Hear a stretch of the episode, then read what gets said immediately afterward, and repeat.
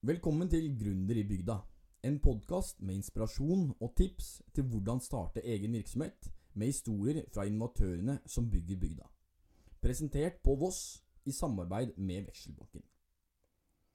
Kristin Lemme er utdannet kaospilot og næringsrådgiver i kommunen, og har blitt bonde.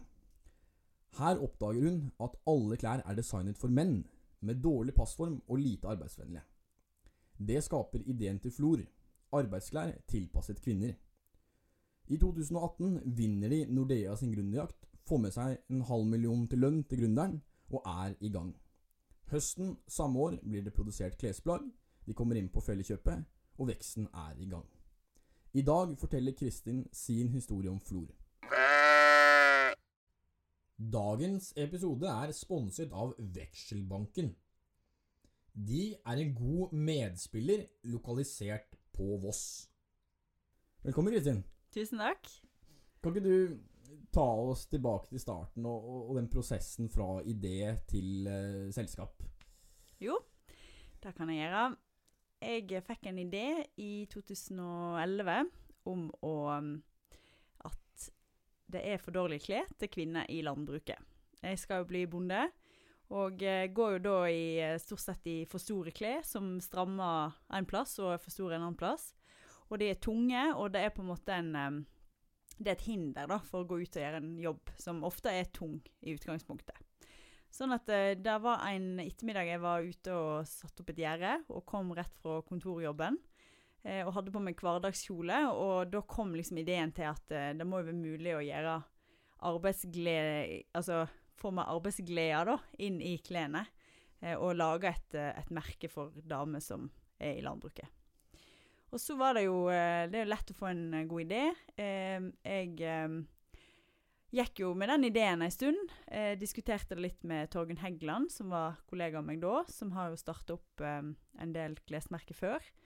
Og vi syntes det var en god idé, og vi begynte litt, og så datt det liksom litt tilbake igjen. Og så flytta jeg til Lillehammer for å jobbe med ungdoms-OL. Jeg har jobba mye med idrettsarrangement. Og der traff jeg jo da en som eh, når vi var ferdig med ungdoms-OL og satt og lurte på hva vi skulle gjøre med resten av livet, så eh, eh, var han konsulent for Bondelaget i Oppland. Og eh, jobba da med et prosjekt som gikk på hvordan få flere kvinner til å velge landbruket og bli der. Og da hadde jo jeg egentlig ideen som løste alle hans problem, og det var jo da et klesmerke for kvinner. Sånn at eh, det var da eh, Johan eh, og jeg som begynte å snakke om at eh, dette må vi ta opp igjen. Eh, så ble jo da Torgunn eh, med igjen. Og så fikk vi med oss Patrik Patrick Søreide fra Voss, som har jobba mye i eh, ja, i eh, bygnings... eh, altså med eiendom, og på måte, så på en måte samme problemstillinger. Eh, og så starta vi da Flor i 2017, da. Og så var det jo å få fram eh, noe klær. Eh, vi har jo hatt med oss flere som har hjulpet oss på design. Det er blant Ingrid Brandseth som har sitt eget klesmerke. Og så har vi da, fikk vi da klær i, ut i markedet høsten 2018, da. Siden da så har det gått slag i slag. Det der vi er nå. Ja, for altså eh, Vi kommer litt tilbake til det senere òg, men altså, du er med på Nordea sin gründerjakt eh, Mm. tidlig 2018. Ja. Og du får en årslønn der. Eh, og det er høsten 2018 eh, altså, klærne kommer, stemmer ikke det? Jo. Eh, altså, og, og da kommer du også inn på eh, Felleskjøpet sine butikker. Altså, Mm. Kan du fortelle litt den derre prosessen fra altså, det med å få produsert klærne? Ja, vi eh, hadde jo med oss de som eh, kjente til hadde jobba mye med en fabrikk i, eh, i Kina.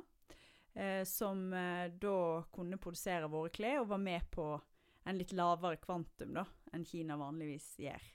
Sånn at eh, vi utvikla da klær i samarbeid med dem. Eh, vi fikk jo først støtte fra, eh, fra Kraftfondet i Voss kommune. Og så fikk vi en sånn markedsavklaringsstøtte fra Innovasjon Norge. Som gjorde at en hadde råd til å ta hjem første prøvekolleksjon. For det er jo veldig dyrt Mm. før fabrikken vet at du skal produsere, så må du jo betale ganske mye før, før den første kolleksjonen. Sånn at eh, når vi fikk det på plass, så gikk jo det gjennom 2017 og halve 2018 da, med å utvikle klærne. Ting tar tid. Ting tar tid. Og det er jo veldig vanskelig sånn eh, når en har eh, Jeg har veldig mye mening om hvordan klærne skal være, men jeg er jo ikke designer sjøl, så jeg vet ikke hvordan jeg skal tegne dem om og fikse og trikse. Men der var det heldigvis andre som forsto, da. Så til slutt så ble det veldig bra. Og altså, du har også snakka litt om altså, Videre, når dere skal prøve å markedsføre der, så kommer det inn på Felleskjøpet. Og Du har Mm. også hatt noen sånn utradisjonelle lanseringsfester og noen sånn catwalk utenfor Felleskjøpet. Altså, kan du fortelle litt om den merkevarebyggingsdelen der? Må liksom skille seg litt ut?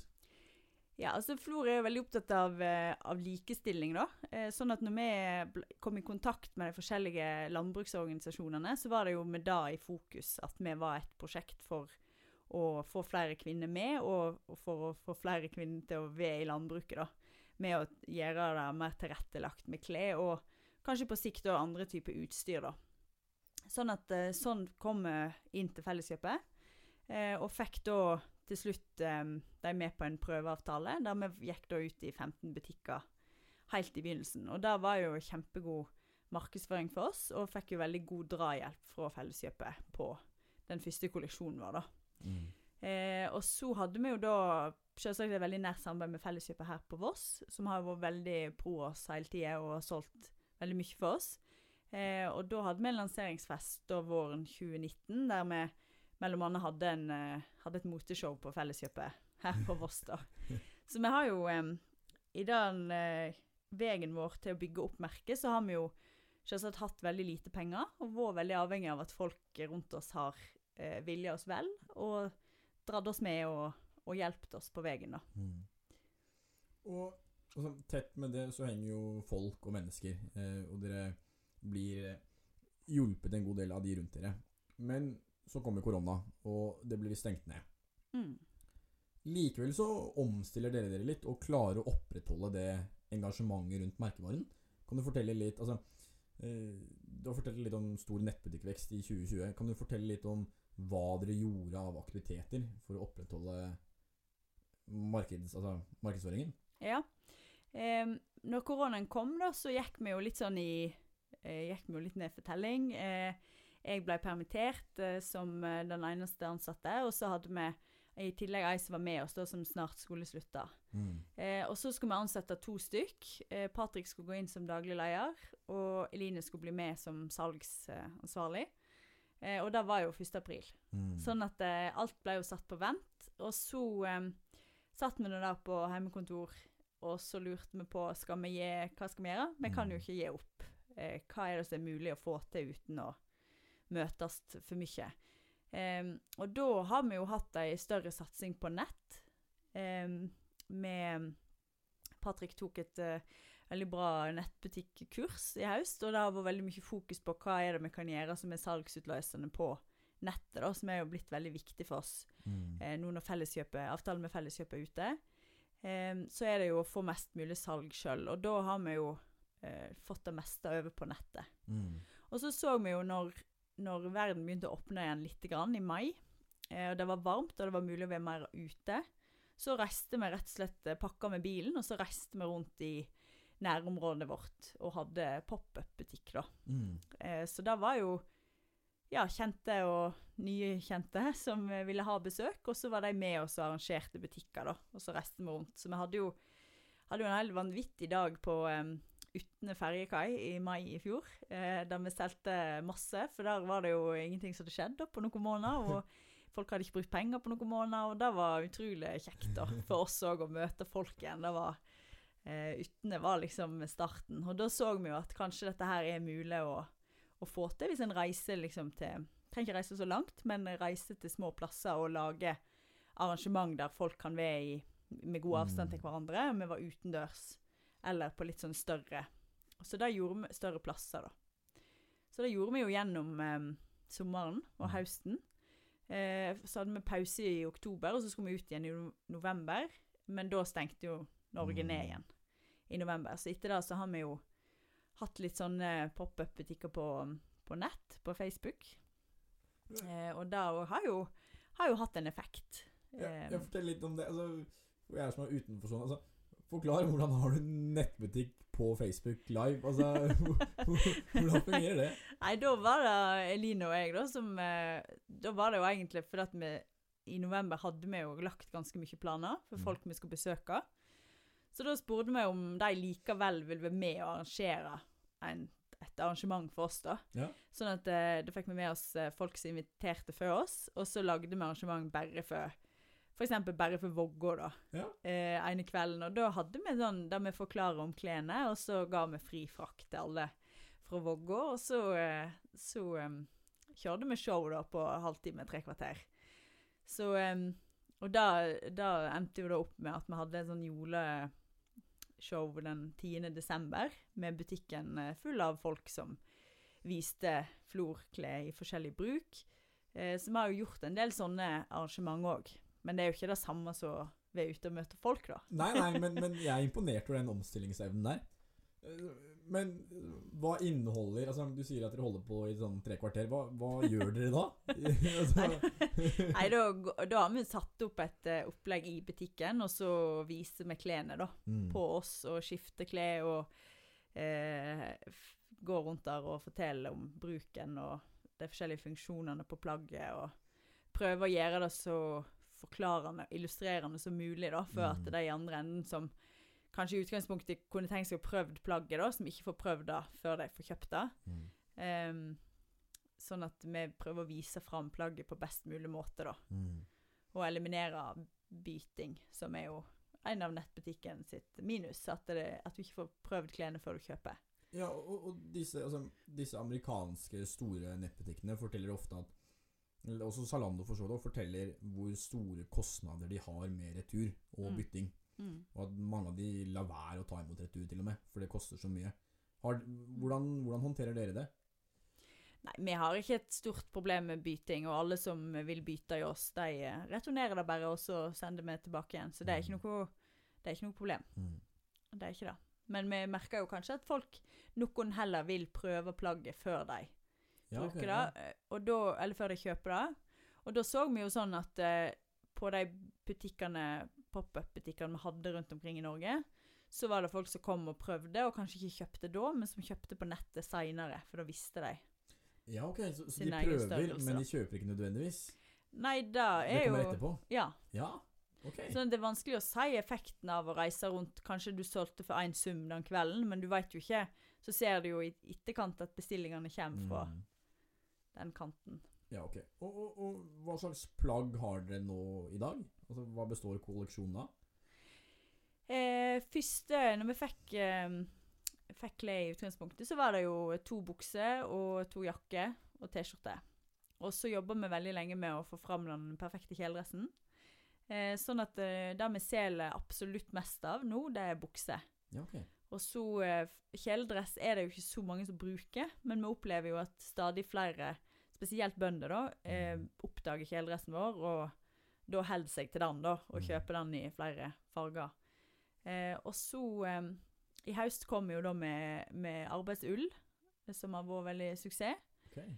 altså ull under tøy, Og så utvider vi jo nå med litt mer sånn skalljakke og, og uten Altså mot regn.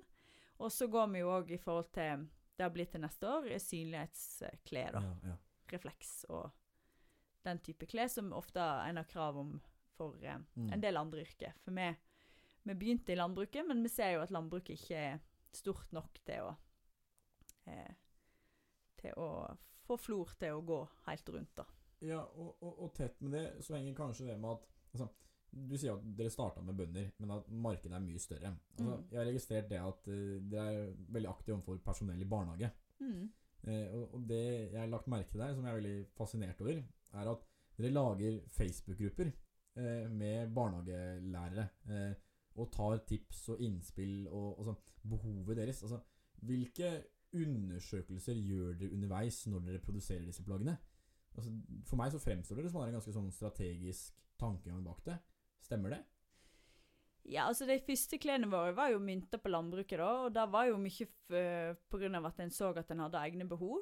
Og så fikk en òg veldig mye innspill Mm. før den tid. Um, og så har vi jo sett at behovet for gode klær i, mannsdominerte yrker da, til kvinner er veldig stort. Og så ser vi jo nå etter hvert til vår store overraskelse at behovet òg er veldig stort i kvinnedominerte yrker. Okay. At det er for lite fokus go på gode klær. Sånn at det, for barnehagelærere, som er jo eh, har en stor overvekt av kvinner, bruker faktisk ofte herreklær. Mm. Og det er det som blir kjøpt inn til barnehage. Og det er jo noe vi har lyst til å sette litt fokus på i forhold til at eh, en fortjener gode arbeidsklær, da, som gir Mm. deg på en måte det du trenger for å ha en god arbeidsdag. Eh, og da eh, ser vi jo nå at en del av de plaggene vi har, treffer barnehagemarkedet, men kanskje ikke godt nok til å klare å ta liksom hele markedet, spesielt på ytterklær. da. Okay. Så derfor så har vi jo oppretta nå eh, Søkte vi til testere av klær.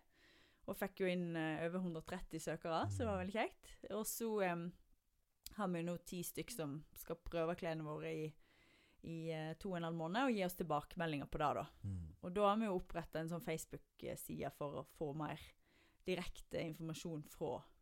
De eh, som er der ute og jobber. da.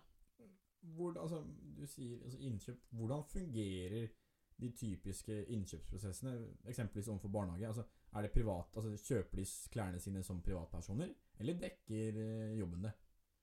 Det er, det er veldig stort spenn her, sant? fra private barnehager med god økonomi til offentlige barnehager, kommunale barnehager med dårlig økonomi.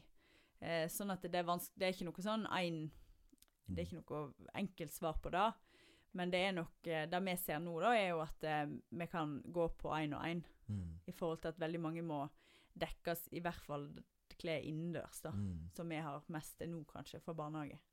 Jeg snakka litt med eh, designer Per Finne, og han var også veldig det med kvalitet fremfor kvantitet. Det er Mm. kanskje der også dere treffer veldig godt. da At altså, Ved at du som privatperson så kjøper du plagget én gang, men til gjengjeld så er det et veldig godt plagg. Mm. Det stemmer vel kanskje med deres filosofi?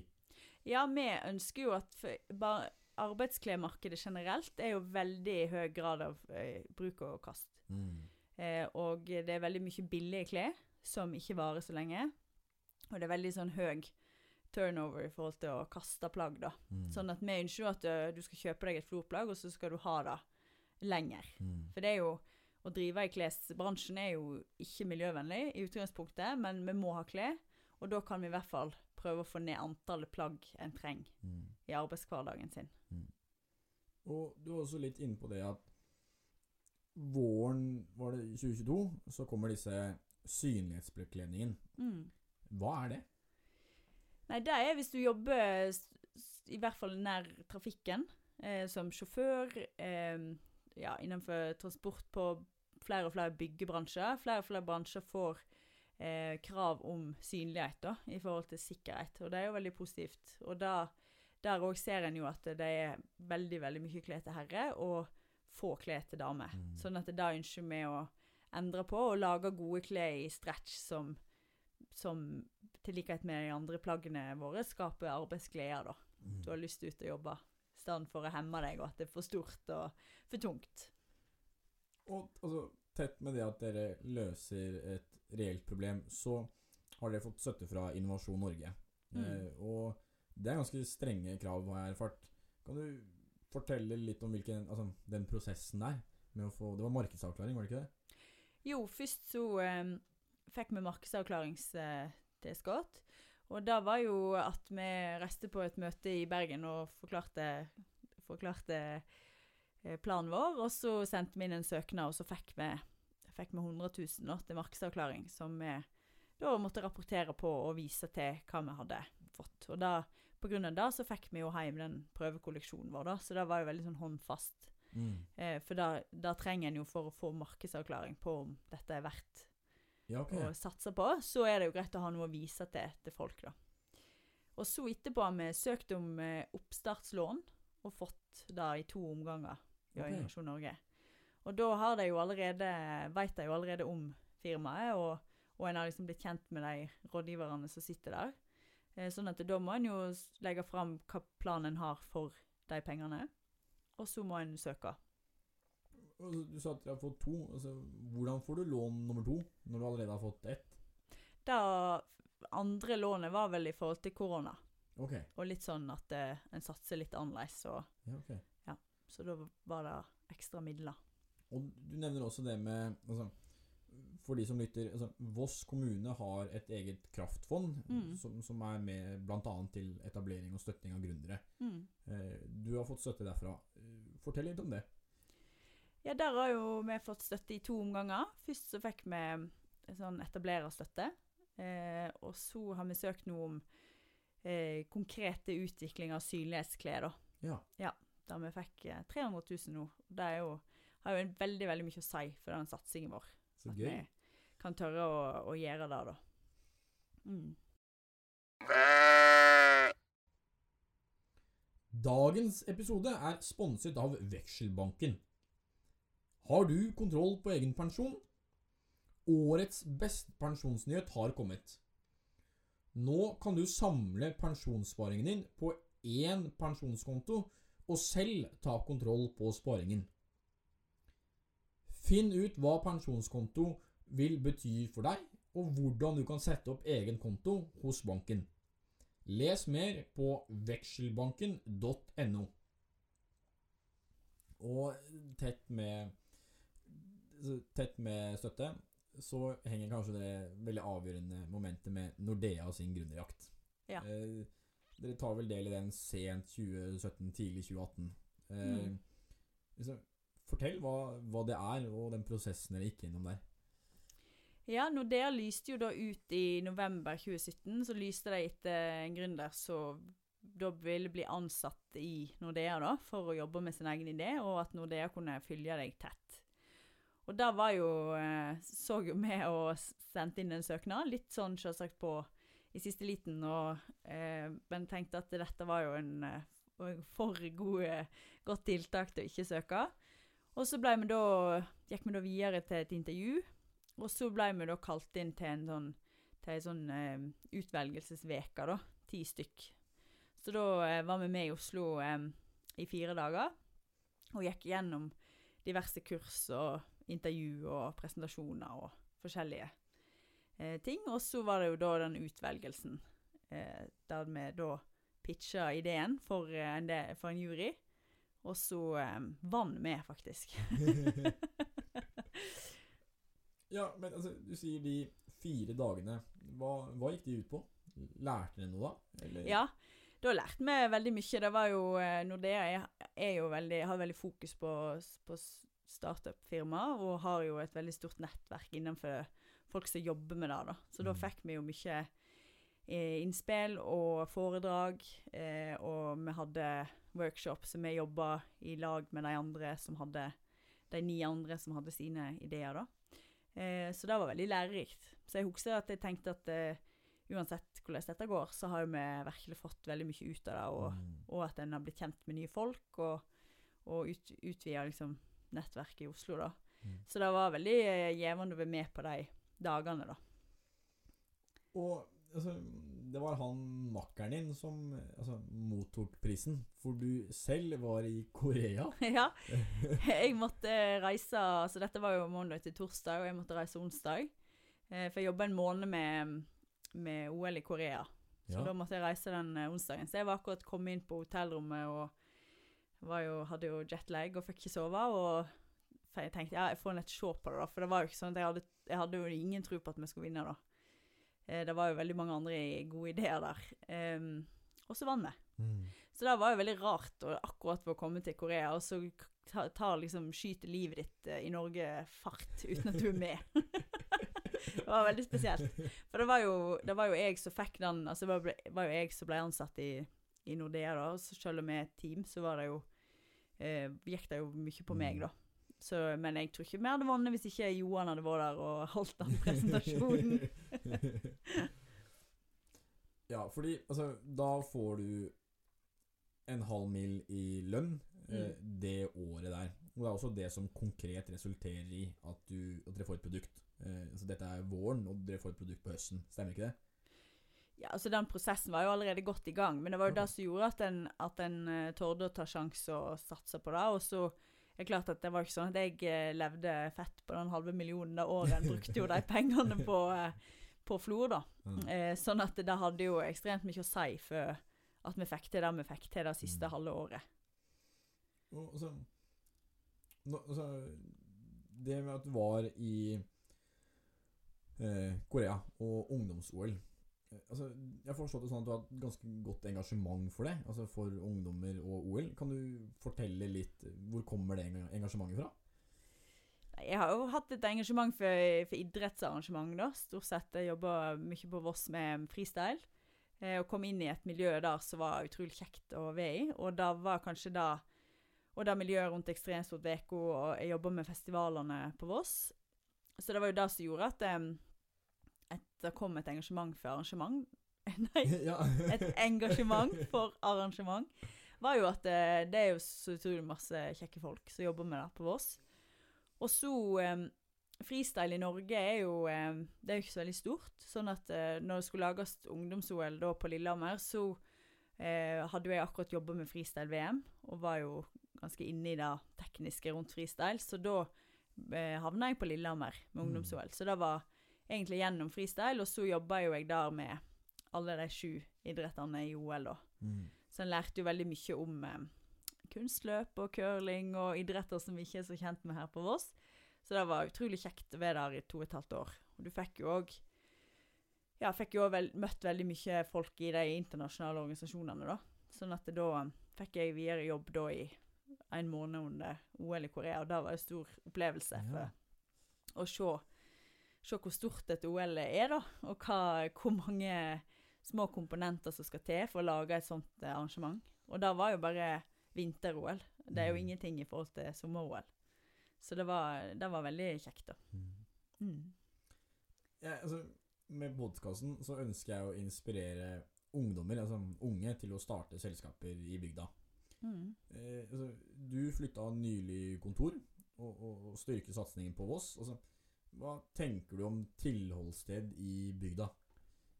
Har du noen tanker om det? Jeg tenker jo at eh, det er en veldig stor styrke å kunne si at en eh, kommer fra Voss. Da skiller en seg kanskje ut, og folk legger merke til en mer enn hvis en kommer fra andre plasser. Jeg opplever det rundt om at, eh, at folk husker at en kommer fra Voss, og at det at en kan knytte merkevaren sin opp mot Voss, det er en kjempestyrke. Um, og så er det jo at em, det er jo stor, store muligheter for å drive sitt eget firma her på Voss, for det er så mange som har gjort det før, da. Mm. Sånn at du ser at det da er mulig, og du har mange å se til i forhold til at det, det er veldig mange andre her som har fått det til. da. Mm. Og det er jo ikke langt til Bergen, men, eh, men det er veldig mye du kan få til her på Voss òg. Mm. Ja. Har du noe altså, Har du noen typiske karrieretips eh, for ungdommen? er det noe altså, Du begynner jo nå å få litt erfaring. Altså, vi- vi kommer litt tilbake til det senere, men du har erfaring fra næringsrådgiver i kommunen. Har du noe eh, typiske sånn karrieretips? Nei, Jeg tror det er viktig å ta en utdanning. Ikke så viktig kanskje hva den utdanningen er, men at en har noen år der en lærer seg å lære, og lærer at det, at det, det er lurt å kunne noe i Mm. bunnen.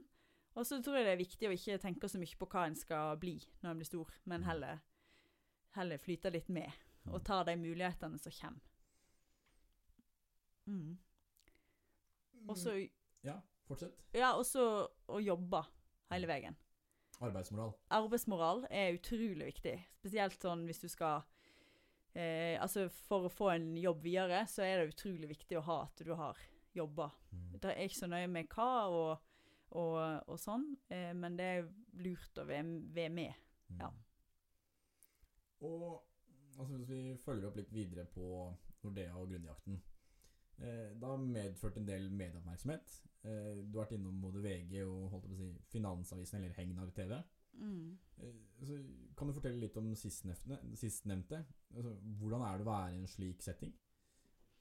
Nei, det er jo eh, noe en blir jo litt mer vant med etter hvert, da. Men det er jo eh, litt sånn fryktprega i begynnelsen. Eh, det der med media er jo litt sånn vanskelig. Nå har jo vi vært heldige og, og, um, og fått en del altså, positiv blest, da. Em, men det er klart at det der er et eget fag som en skal være god på, i tillegg til det andre en skal drive med som gründer. Så er det jo viktig å av og til få noen saker i, i media, da. Mm. Um, og der har jeg jo heldigvis en del gode folk rundt som kan komme med innspill. Og, og når jeg var med på Hegna, så hadde jo med Johan. Han er jo en uh, TV-mann, så han har jo en del mer erfaring enn meg. Så det gjelder jo bare å spille på folk du har rundt deg, og bli tryggere i den rollen, da. Og tett med samarbeidet med Nordea, så har du en sånn artikkel i VG eh, hvor dere kommer med tips til gründere. Har du, altså, har du noen sånn altså, Dere var vel fem tips der, på der. Har du noen sånn to-tre tips å gi til gründerne? Ja, har du de tipsene? Kan jeg få dem? Nei. Nei, eh, jeg tror at eh, Ja, noen tips til gründere. Det viktige er jo at en eh, Nå er det jo veldig fokus på det der at det der å være gründer, men, men det å være gründer i seg sjøl er jo ikke noe poeng. Det viktigste er jo at du finner et eller annet du brenner for, som du har lyst til å skape. da.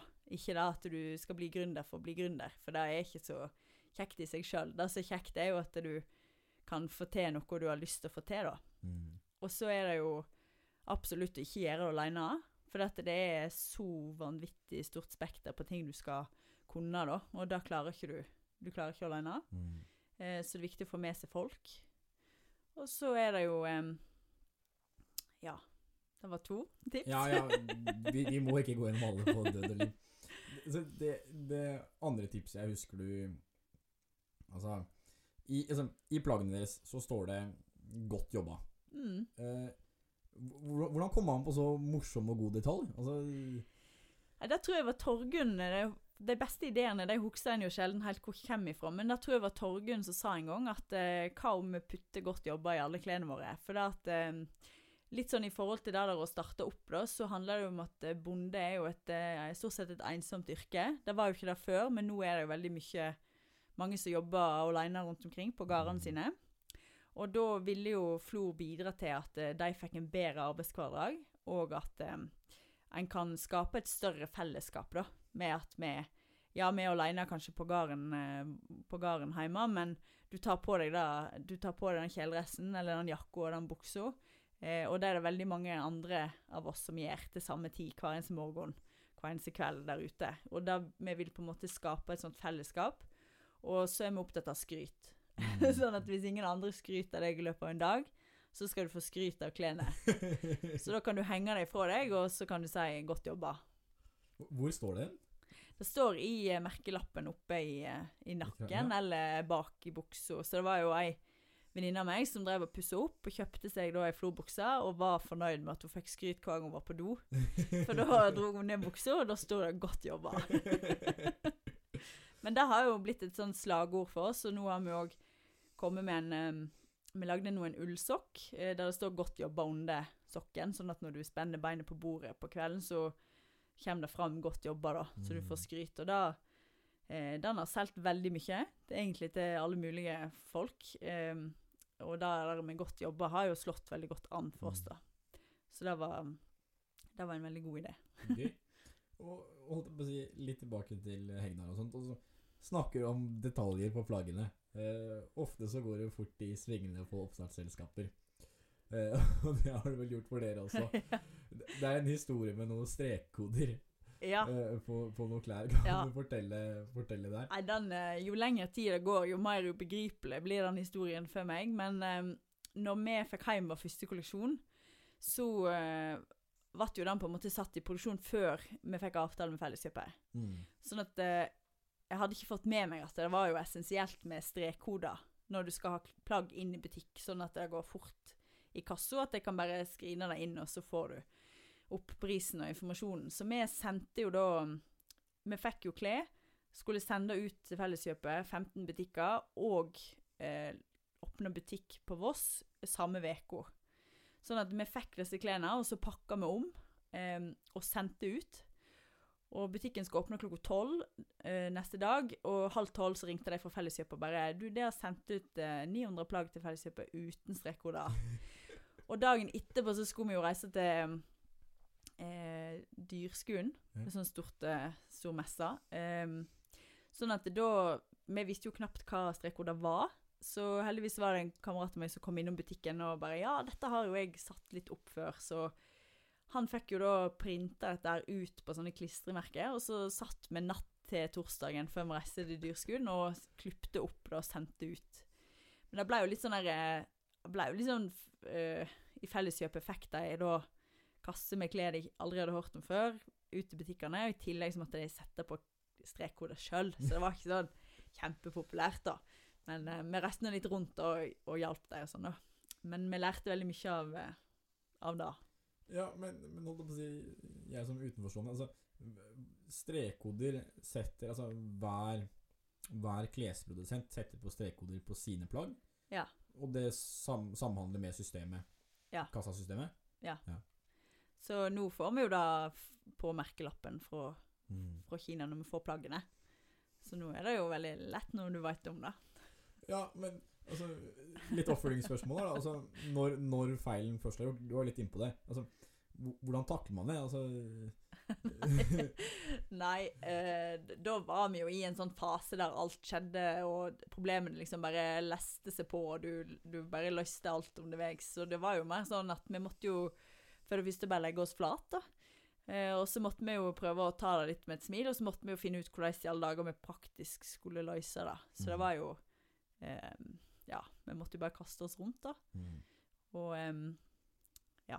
mm, Men vi er jo alle vant med å jobbe med arrangement, og det har jo vært en fordel. Det er jo der vi har truffet hverandre, og vi har jo vært i krigen før, så vi Ja. vet jo at det at du kan jo ikke gå hjem da klokka fire mm, og ettermiddag hvis det er sånn at du ikke har eh, orden på ting. mm. Og altså, vi var jo litt innpå det med utdanning. Eh, Mm. Jeg forstår det slik at du har en bachelor i innovasjon eh, fra Markedshøgskolen, Mm. og du er utdanna kaospilot. Hva, hva er en kaospilot? Hva er en kaospilot? Eh, altså da, Kaospilot er jo praktisk prosjektlederutdanning fra Danmark, som har vart eh, i eh, en del år nå. Og vi var jo da to kull som tok den utdanningen i Oslo. Så vi fikk jo da en bachelor i innovasjon, kreativitet og forretningsutvikling i tillegg. Men um, det- Kaospilot er jo en veldig sånn eh, praktisk tilnærming til, til lederfaget. Eh, og så lærer en egentlig å navigere i kaos, da. Sånn at det er jo veldig sånn brei utdanning, med veldig fokus på personlig utvikling, og du får veldig mye sånn coaching og oppfølging under utdanningen, og så får du, blir du på en måte kasta ut i det i reelle prosjekt med, med reelle kunder og sånn. Så det var veldig lærerikt eh, når vi gikk der, og jeg tror det en sitter igjen med, at en, at en klarer å se litt sånn bredt på ting, og se løsninger kanskje mer enn en utfordringer, da Mm. i utgangspunktet. Så det er en veldig spennende utdanning, og den finnes i Danmark fremdeles. Så eh, der kan jeg anbefale folk å undersøke. Mm. Jeg var kanskje litt ung da jeg begynte. Jeg var 20. Kunne ønske jeg hadde hatt litt mer livserfaring. Det er veldig mange som tar det når de er sånn 25, kanskje, mer. Em, og da at, at en har noe annet i bunnen først, da. Men eh, det kan jeg absolutt anbefale å undersøke den utdanningen. Mm. Mm. Og altså, vi- altså, mm, medgrunner Torgunn, eh, hun var med i oppstarten til Karitrå. Eh, og det er veldig lett å ta den sammenligningen mellom Karitrå og Flor. Altså to tydelige kvinnemerker starta på oss eh, med kvinner, av, Mm. eller av og for damer. Altså, hvilke refleksjoner gjør du av en sammenligning der? Karitrå endte opp som det selskapet. og Ja, det er jo veldig stor eh, inspirasjon for oss, da, selvsagt. Eh, å se hva de fikk til med Karitråd. Og det der å em, se helt nye muligheter, der de gjorde med ullplagg f.eks. Se helt nye muligheter i et eksisterende plagg. Uh, det er jo det vi til en viss grad har gjort med Flor òg, at vi tar, uh, tar og drar arbeidsklemarkedet mot treningsklemarkedet. For at, uh, det er jo okay. det du på en måte har lyst til å gå med når du skal være utover fysisk aktiv, så har du jo lyst til å gå med klær som er behagelige, og det er jo treningsklær ofte er, da. Eh, sånn at det der var veldig stor inspirasjon å sette på hva de har fått til med Kari Tråd. Og det er jo eh, å vise jo at det er mulig å få til. Mm, men, men det er klart at eh, hun har jo i sin person hatt stor, stor drahjelp Mm. med den eh, med sånn så flink som hun har vært i Mm. forhold til Altså, hun har jo OL-gull, og det er jo en, det er en helt annen liga. så, eh, men det er veldig eh, Det har vært en veldig stor inspirasjon for oss da, selvsagt. Dagens episode er sponset av Vekselbanken. Hvis du at 50% ikke sparer til pensjon? Og 60% syns pensjon er vanskelig å forstå? Vær smart. Få kontroll på pensjonssparingen i dag. så kan du ha glede av det resten av livet. Finn ut hva pensjonskonto vil bety for deg, og hvordan du setter opp egen konto hos banken.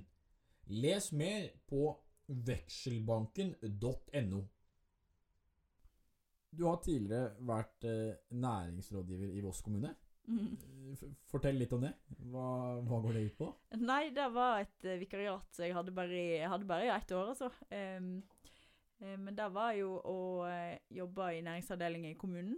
Det, det er jo tett knyttet opp mot landbruk, da. Ja. Så var jo kanskje en av grunnene til at jeg fikk det.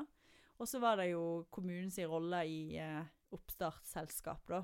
Litt eh, rådige. og så var det jo tett samarbeid med Næringshagen. Um, og så var det jo ja, å støtte opp om eh, kraftfondsøknader og sånne type, sånn type arbeid. Da. Så jeg trivdes veldig godt i kommunen. Um, og hadde nok ikke slutta da, hvis ikke det hadde vært for Nordea. Eh, eller hadde fått prøvd å få fortsette, da, for det var, det var veldig kjekt og lærerikt å jobbe i kommunen. Mm. Mm. Og altså, ofte så opplever altså, gründere litt motgang og treghet fra det offentlige. Og, Mm. og ofte litt sies sånn at det verste en vi vet, er sånn regler og byråkrati. Du har jo nå stått på begge sider av gjerdet. Hvilke refleksjoner altså, gjør du deg om det? Altså, Nei, altså vi har jo ikke så mye Det kommer jo helt an på hva du skal starte, da. Eh, hvis du skal starte noe som trenger, trenger på en måte godkjenning og sånn. Men eh, Flo har ikke hatt noen utfordring med det, Mm. egentlig. Byråkratiet. Det er jo skatt og moms og alle disse tingene her, men da har en jo regnskapsfører som hjelper en, da. mm. Mm, så da tenker jeg at det eh, tror det er viktig òg som gründer at du forstår hvis, det på en måte, hvis du driver stange i byråkratiet, da, at eh, kanskje du skal få hjelp til det, da, Mm. istedenfor å lære seg alt sjøl. Mm. Kom det over noen interessante prosjekter når du var en næringsrådgiver? Av andre, liksom? Eh, ja, en, en fikk jo eh, innsikt i veldig mye spennende. Ja, det gjorde en jo. For det er disse kraftfondsøknadene blir da behandla av deg, da, eksempelvis. Eh, jeg var med, ja. Ja. Mm. Så det er veldig mye som skjer på oss av ulike, av ulike størrelser, og ja. Hvor, altså dette kraftfondet, hvor kommer pengene opprinnelig fra? Kraft. Ja, ja men det er, det er så enkelt. Ja, jeg tror det er så enkelt. ja. Og så er det jo litt eh, varierende hvor mye penger som er der til hver tid. Eh, for en bytter jo seg ofte opp i store prosjekt. Ja. Men nå det siste året har det vært en del, og, og litt sånn nye koronamidler og sånn. Så det har jo vært spennende å følge nå alt som foregår på, på Voss, da. Men nå har jeg det jo bare fra, fra avisa og eh, Mm. papir. Nå er ikke jeg med lenger, men det er jo veldig spennende å se alle søknader som kommer inn, og hvor kreative folk er da, og hvor oppstartlystne en er. Hvor, hvor, mye, hvor mye deler du ut årlig? Eh, det er jeg ikke sikker på. Men det, du sa at dere hadde fått 300 000? var det sånn? Ja. Det er jo en viss sum. Ja da, det er flere millioner, Mm. men jeg er usikker på, um, usikker på hvor mye. Så, så Voss har egentlig litt sitt eget lille oljefond på mange måter. ja. ja, det blir ikke fullt på like raskt, tror jeg, som oljefondet, men, eh, men det er jo en um, eh, det er jo viktig da, for næringslivet på Voss at en har et sånt fond å søke.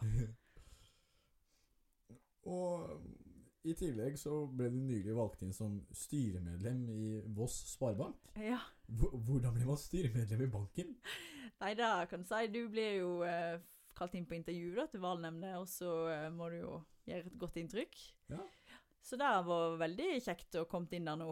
Em, jeg er nok ikke valgt inn der pga. min økonomiske kompetanse. Men eh, Sparebanken er veldig opptatt av å ha, en, eh, ha et stort spenn da, Mm. i styremedlemmer og tillitsvalgte generelt. Så det, var, det er utrolig interessant. Jeg visste jo ikke så mye om bank Nei. før jeg kom inn i generalforsamlingen da, noen år før. Eh, så det er kjempekjekt. Og òg å være med på noe helt annet, da. Så nå eh, Du får innsikt i mye av det som foregår på Vangen, nei, på Voss, og, og større forretningsforståelse, da. Så det er veldig lærerikt. Hva, hva gjør man typisk som et styremedlem? I banken, liksom? Altså, hva Nei, en eh, behandler saker, da. Ja. Ja, sette seg inn i Det er jo veldig mye lover og regler i Veldig mye byråkrati i banken. Um, men så går det jo opp på sånn samfunnssaker, og, og Sparebanken har jo disse allmennyttige gavene sine, så de Mm. gir jo veldig mye tilbake igjen. Som Mm. en sparebank så er det jo ingen som eier, eier banken, eh, men det er bygde som eier banken. Mm. Sånn at eh, det er jo spesielt eh, kjekt å være med og, og em, ja, bidra til, Mm. til sånne ting, da. Mm. Altså, team og, og kultur er viktig. Mm. Du har, snakket, du har trak, spesielt trukket fram fire stykker. Altså, eh, deg og Torgrim og Patrick og Johan. Kan du fortelle litt om teamsammensetning? Og, altså, dere har trukket frem at dere er en del forskjellig. Mm. Hvordan spiller det inn? Nei, det, det spiller jo inn med at vi kan forskjellige ting, har forskjellig bakgrunn, og ergo kan komme med forskjellige ting til bordet, da. Eh, og vi kan fordele arbeidsoppgaver en del etter hva som eh, Ja, hva som dukker Mm. opp, da, og hva, som, hva en interesserer seg for, og hva en kan. Mm. Eh, og så tror jeg òg det er viktig å ikke være for like i forhold til at vi eh, Ja, i forhold til at dette skal gå framover. At det er noen som pusher, og noen som gjør, og noen som kan det ene, og noen som ser det store bildet, og andre som gjør konkrete arbeidsoppgaver, da. Mm. Og så finne en styrke i det. Det tror jeg er viktig. Men hvordan er det å samarbeide med folk som er veldig ulike? Nei, det kan jo absolutt gå ei kule varmt, da. Mm. men, men eh, jeg tror det er òg viktig at en har, en sånn, har et forhold som gjør at en kan diskutere, og, og, eh, uten at det blir dårlig stemning. da. Mm. Det tror jeg er viktig. Og derfor så er det jo noe med at en skal vel kanskje ikke mm, starte selskap med sine aller nærmeste bestevenninner heller, i forhold til at det, at det er jo Det er jo eh, Ja, det er jo bedrift. Mm. Det er noe annet, på en måte. Mm. Så en skal ikke være for like heller. Mm. Det tror jeg er lurt. Men jeg må like hverandre, selvsagt. Ja. og ha et felles mål der framme, og ha en felles forståelse for hvorfor vi gjør dette. Mm. Det er viktig. Ja, det, det slår meg også at det, det binder litt dere. Altså den felles ba, Litt bakgrunn og sånn Mm. felles interesse for klesplagget. Ja. Eh, med økt vekt så, Altså med økt vekst så kreves det også flere ansatte. Eh, du snakka jo litt om at dere var i gang å ansette før eh, korona eh, traff. Eh, altså, hvilke refleksjoner gjør du deg med å ansette folk i tiden fremover? Eh, nå har ikke vi noen konkrete planer om det nå, da. Det er jo em, Hvor, ma hvor mange er dere i dag? eh, Nå er vi fire akkurat nå. Mm. Men vi har jo litt sånn deltidsstillinger og sånn.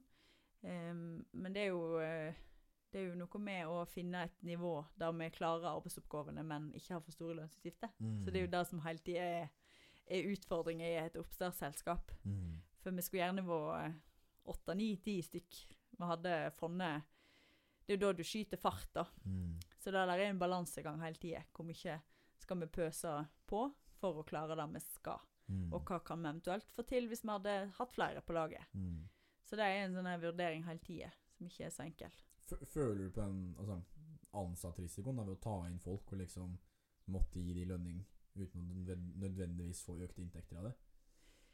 Nei, nå har jo vi ansatt litt sånn etter behov, Ja. Eh, og med folk som eh, forstår at dette ikke er som eh, Dette er ikke staten. Sånn at Mm. du kan ikke bare sitte her og få lønn hvis ikke det går. Sånn at det har ikke vi hatt noen utfordringer rundt. Nei. Mm. Og altså, tett med ansettelser så henger også kultur. Hva gjør dere for å skape kultur i selskapet? Eh, nei, med, før korona så gjorde vi jo en del ting. Nå har det vært litt sånn eh, stillstand i Nå er det jo minst mulig møte og minst mulig ting som skjer, da. Men eh, vi prøver jo å skape en eh, Gjøre sånn at det er kjekt å gå på jobb. Eh, og gjøre hverandre gode. Eh, og prøve å liksom strukturere opp og, og lage, lage et godt selskap. Men det med kultur er jo veldig interessant. Det er jo Mm. vanskelig å, å få til, og spesielt sånn så En sitter jo ikke alltid i lag heller. Sant? Mm. Nå, nå er det jo um, korona, så nå skal en ikke reise så mye. Og Patrick bor i Bergen, og, så det er jo der Det der er krevende. Mhm. Eh, og du er i tillegg bonde? Ja. Ja. ja, det er foreldrene mine som har ansvaret, da. Ja. Men jeg er mer og mer med. Ja. Mhm. Hvordan ser en typisk morgen ut for deg? Eh, ja, jeg går jo Floren hver morgen, så står opp sånn eh, kvart over seks. Ja, bare, bare så jeg har sagt, flor betyr Ja, Flor betyr fjøs Ja. på Vossa-dialekt. Det gjør det. Men eh, så Flor-navnet kom, eh, kom på grunn av fjøs, da. Ja. Men det er jo òg fordi det er liksom flora og kvinnelighet og blomst på spansk og en del sånne ting da, i det navnet. Men eh, Nei, så på morgenen så eh, jeg eh, frokost, leser avis og går i floren. Og så er jeg på jobb til rundt sånn eh, halv ni. Og så driver en på da fram til ja, ettermiddagen. Ja, for, for, du har denne fysiske butikken også. Ja, det har vi. Når har dere åpent her? Eh, vi er åpne der torsdag til lørdag. Og så er, har vi åpent når vi er der ellers. Ja. Ja, så de andre dagene er litt mer uforutsigbare. Eh, og så er det jo sånn at folk eh, sender melding og ringer og stikker innom og Ja, så det er jo ganske sånn Men vi har funnet ut at eh, torsdag til lørdag, da eh, Det er fast, da. Mm. Så da kommer det folk innom. Mm. Har du noe Altså, det blir jo mye jobb med både gard og bedrift. Har du noe behov for å koble av? Jeg syns jo gardsdrift er veldig sånn fin avkobling, da. Em, nå har jo vi bare 30 sauer, så det er jo ikke sånn at det går an å leve av gården sånn som det er i dag. Eh, men en driver en del eh, med vedhogst, og, eh, og det arbeidet på gården er jo veldig Jeg syns jo det er veldig kjekt, og ikke minst å ha den der, eh, det spennet, da. Så, så det er jo avkobling for meg. Mm. Og så syns jeg det er kjekt å være på ski, og kjekt å ja, være med venner, da. Nå er jo det blitt et sånt eh, en sånn gode så du Ja. ikke visste at du savna så mye som en gjør nå. Um, så da. Det er vel sånn jeg eh, kobler av, er jo ofte å være i Floren og jobbe med Jobbe hjemme, da. Mm. Avslutningsvis nå så kan vi pense litt over på refleksjon og se tilbake på det du har fått til. Altså, det er fortsatt i en tidlig fase, men spesielt med den gründerjakten til Nordea, så har du fått en veldig sånn tydelig og konkret bekreftelse på Mm. at dere er på rett vei. Og sånn, hvor, hvorfor vant dere? Hva, hva tror du skilte dere fra de andre? Eh, det er vanskelig å si. Den begrunnelsen har, jo, eh, har vi jo ikke fått helt sånn konkret. Men jeg tror det handler kanskje om at vi hadde en idé som de visste ikke kom til å forsvinne med det Mm. første. Det var en veldig sånn konkret ting eh, der de skjønte at de kunne følge oss framover. Ehm, og så eh, var det jo Det er klart vi har jo fokus på, på landbruk, på distrikt, på likestilling. Eh, det er jo liksom positive verdier. Ehm, som har jo hjulpet oss på mange måter, tror jeg. Eh, og det er jo òg litt det som er motivasjonen for å drive dette her. Mm. Det er jo ikke nødvendigvis eh, klær. Mm. det er jo mer prosjektet, da. At en har lyst til å sette mer fokus på, på dette med tilrettelegging for kvinner i arbeidslivet. Um, men det er jo vanskelig å si. Vi fikk jo vi fikk jo veldig mye positiv oppmerksomhet rundt det. Jeg tror ikke vi hadde vært der vi er i dag uten, Mm. uten Nordea, ingen tvil. Eh, og alt vi lærte, og alt vi fikk igjen av det samarbeidet. Mm. Og du har også nylig vært aktiv altså, i lokalavisa med eh, altså da med nettbutikk eh, Mm. og dette med nynorsk. Ja. Eh, kan du fortelle litt saken her? Hva, hva handler det om? Ja, Det handler om at eh, vi i Flora var veldig opptatt av eh, nynorsk, og veldig opptatt av oss og den identiteten vi har. Eh, og så viser det seg vi På nettbutikken har jo vi ja, skrevet tekstene våre uten å tenke mer over det enn at de skal være beskrivende. Eh, og så får en jo da større innsikt i hvordan eh, internett virker, og Google, og hvor mye det styrer. Og så ser en jo at det å drive på norsk i seg sjøl er jo krevende. Og det å drive på nynorsk, det er nesten umulig Mm. i forhold til å treffe, eh, treffe kundene som, etter hva de søker etter, da. Eh, arbeidsklær, eksempel, er det jo ingen som søker etter. Det er jo arbeidsklær. Så da eh, hadde vi en prosess der eh, det var jo veldig vanskelig for meg å godkjenne at vi skulle gå over til bokmål. Men når en forsto, og når en lærte seg grunnene, så var det jo ingen vei tilbake igjen. Mm. Og da var det jo sånn Enten så kunne vi jo bare gå over til, til bokmål, det bestemmer vi jo sjøl. Men det var jo veldig viktig for oss å vise hvorfor vi gjorde det. Mm. At det var en grunn til det, og at eh, vi ikke bare gjør det for det at vi ikke bryr oss om Mm. nynorsken. Så da skrev vi jo et eh, blogginnlegg, og så ble jo det, sendte vi det litt rundt, og det ble plukka opp. Så da ble det jo både NRK og Bergens Tidende, Hordaland, eh, og den her Mållagsavisa. Eh, sånn at det, det ble veldig mye oppmerksomhet rundt det, og det var flere bedrifter òg som, som tok eh, eh, Ja, som var frampå og forsto at, eh, at eh, Så det kom jo faktisk òg til Stortinget. Mm. Abid Raja måtte svare på eh, hva de hadde tenkt å gjøre med det. Det er jo ikke så enkelt. Eh, Hei, Google, her er vi 600 000 som har lyst til å google på vårt eget språk. Men jeg tror eh, det er det, For vår del så skapte det jo veldig mye oppmerksomhet. Eh, og så skapte det veldig stor forståelse. Og det var viktig at ikke vi bare gikk Mm. over. Og, så det ble jo mer fokus på det. Så håper jeg jo at vi har fått noen flere til å google på nynorsk. Eh, Det gjorde jeg jo ikke sjøl heller før. Jeg så jo ikke, visste ikke at det var en problemstilling. Så det er jo kjempeviktig. Men om vi klarer å snu det, det vet jeg ikke. Mm. Det er, det er jo mange språk eh, i verden som Google skal ta hensyn til. Hva- Hva tenker du om den altså markedsmakten de store amerikanske teknologiselskapene sitter på? Nei, det er jo ganske skremmende. Eh, både hvordan eh, sånn som oss nå da, bruker de markedsføringsmidlene vi har egentlig på Facebook og Instagram. Eh, det er jo blitt en vridning mot dem. Det er få folk som sitter på store deler av det, og Mm. vi alle følger etter som lam på det. og det er, det tror jeg vi mm, kommer til å kanskje se konsekvensene av Mm. mer og mer. Em, både i forhold til hvor stort eh, Ja, hvor stor eh, makt Facebook og har over våre meninger, Mm. eh, og hvordan det skal gå i framtida med oss. Det er Mm. vanskelig å si. Både selvsagt det med pengene, hvor pengene går, men òg eh, alt dette vi nå har sett med amerikanske valget, og hvor meningene våre blir snudd henne. Mm. Eh, så der må vi, vi må være ganske oppmerksomme på det, tror jeg. Mm. Jeg har ikke noe løsning her. Men jeg tror det er viktig å sette seg litt inn i det og forstå hva du er med på. En er jo sjøl avhengig av disse her appene. da. Det er vanskelig å la være å bruke dem. Mm. Eh, Og det er viktig å skaffe seg innsikt om hva det faktisk gjør med oss. da. Ja, det tror jeg også var viktig. At, ikke nødvendigvis det at dere fikk gjennom noen beslutning nå, men bevisstgjøringen. Altså, sånn fungerer Google.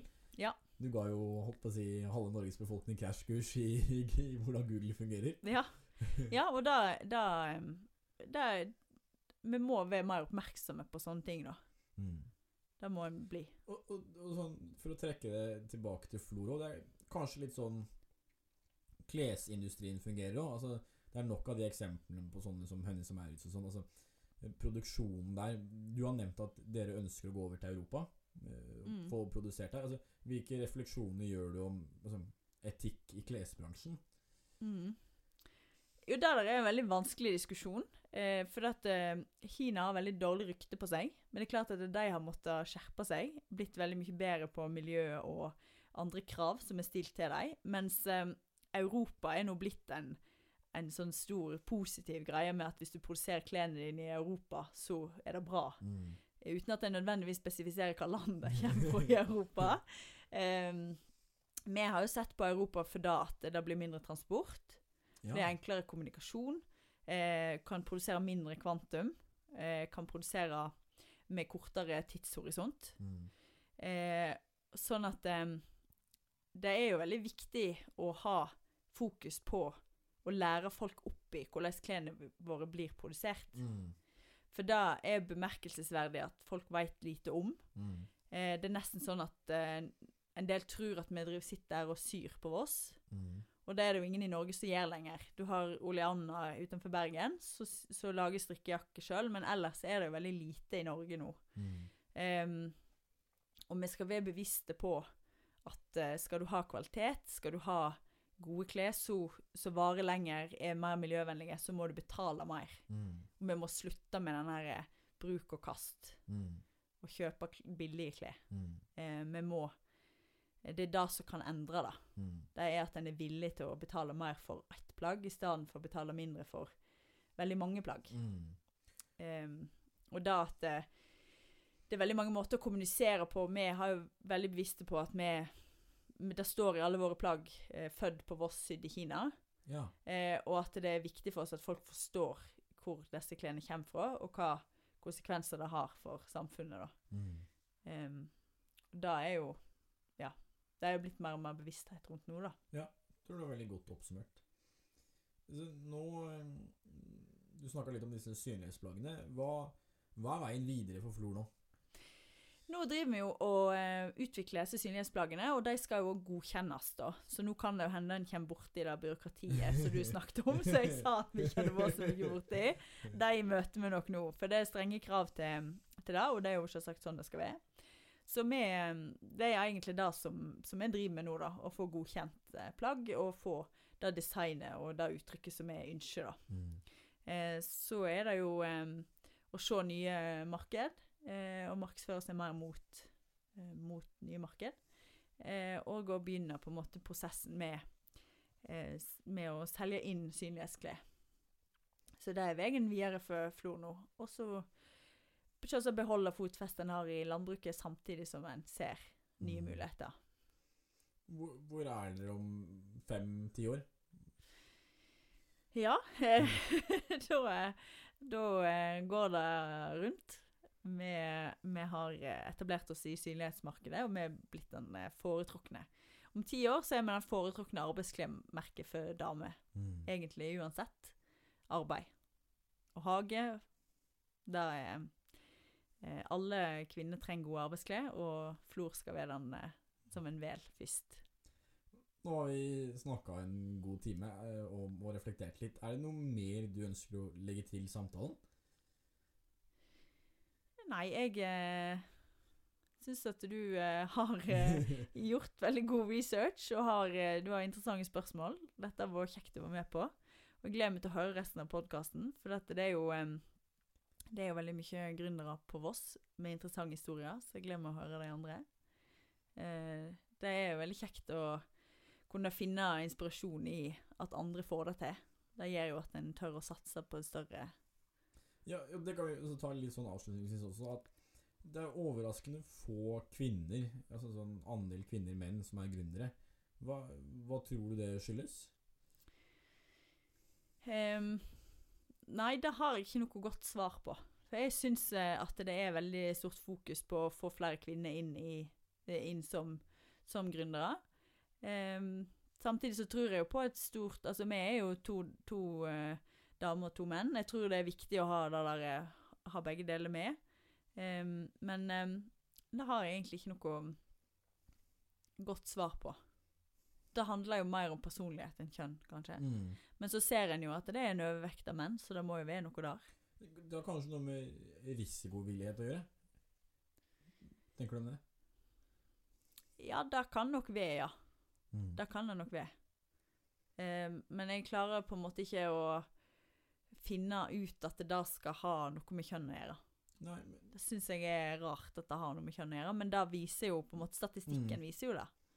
Og, og du, holdt på å si, du har jo nå gått din egen vei og staker ut veien. Har du noen oppfordring til andre kvinner om å bli gründere? ja, jeg, eh, jeg syns jo at hvis en har en idé en tror på, så skal en satse. Eh, og så er det jo veldig viktig å få med seg eh, gode folk. Og da handler jo ikke om kjønn, men det handler om at du ikke kan stå i det aleine. Eh, og så er det jo det der å Jeg tror ofte sånn gründerhistorier blir liksom haussa opp som at uh, dette gjorde den personen helt alene, og dette fikk han til, og det var helt utrolig. Men det er jo sjelden sånn. Det er jo et um, Det er jo ofte ei kjede av folk som har hjulpet deg til å komme der du er. Mm. Og det er et større apparat rundt, og det er mye mer du ikke ser. Og det er viktig å få det belyst, tror jeg. Mm. For det, hvis ikke så kan du jo ta luven av de fleste, da. Mm. At folk skal få til så utrolig mye alene. Mm. Sånn at eh, Nå er det jo jeg som har blitt fronta i forhold til Flor, da, for da at eh, jeg hadde ideen, og, og jeg er bonde. Eh, men jeg hadde jo ikke kommet meg av flekken uten resten av teamet. Mm. Og det tror jeg er kjempeviktig å få fram. Mm. At det er veldig vanskelig å få til noe som helst alene. Mm. Så bare bygg deg et eh, team, og sett i gang. Og med den oppfordringen så ønsker jeg å takke for praten, Kristin. Tusen takk for at jeg fikk komme. Lykke til videre. Takk.